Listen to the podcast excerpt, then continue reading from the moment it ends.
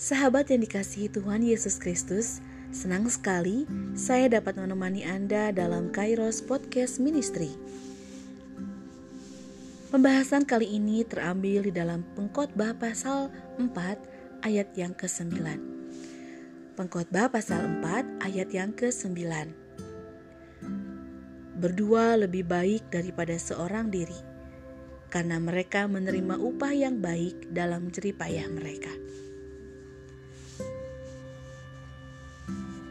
Sahabat yang dikasihi oleh Tuhan Yesus Kristus, tak perlu mengagumi seseorang berlebihan agar tak kecewa kemudian.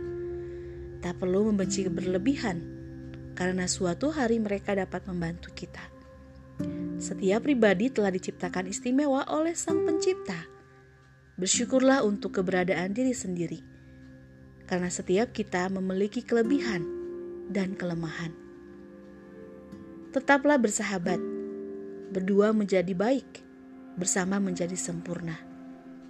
Karena manusia diciptakan untuk saling mengasihi dan menjaga. Dengan kebersamaan, seharusnya lebih kuat dan esensial dalam relasi antara orang Kristen.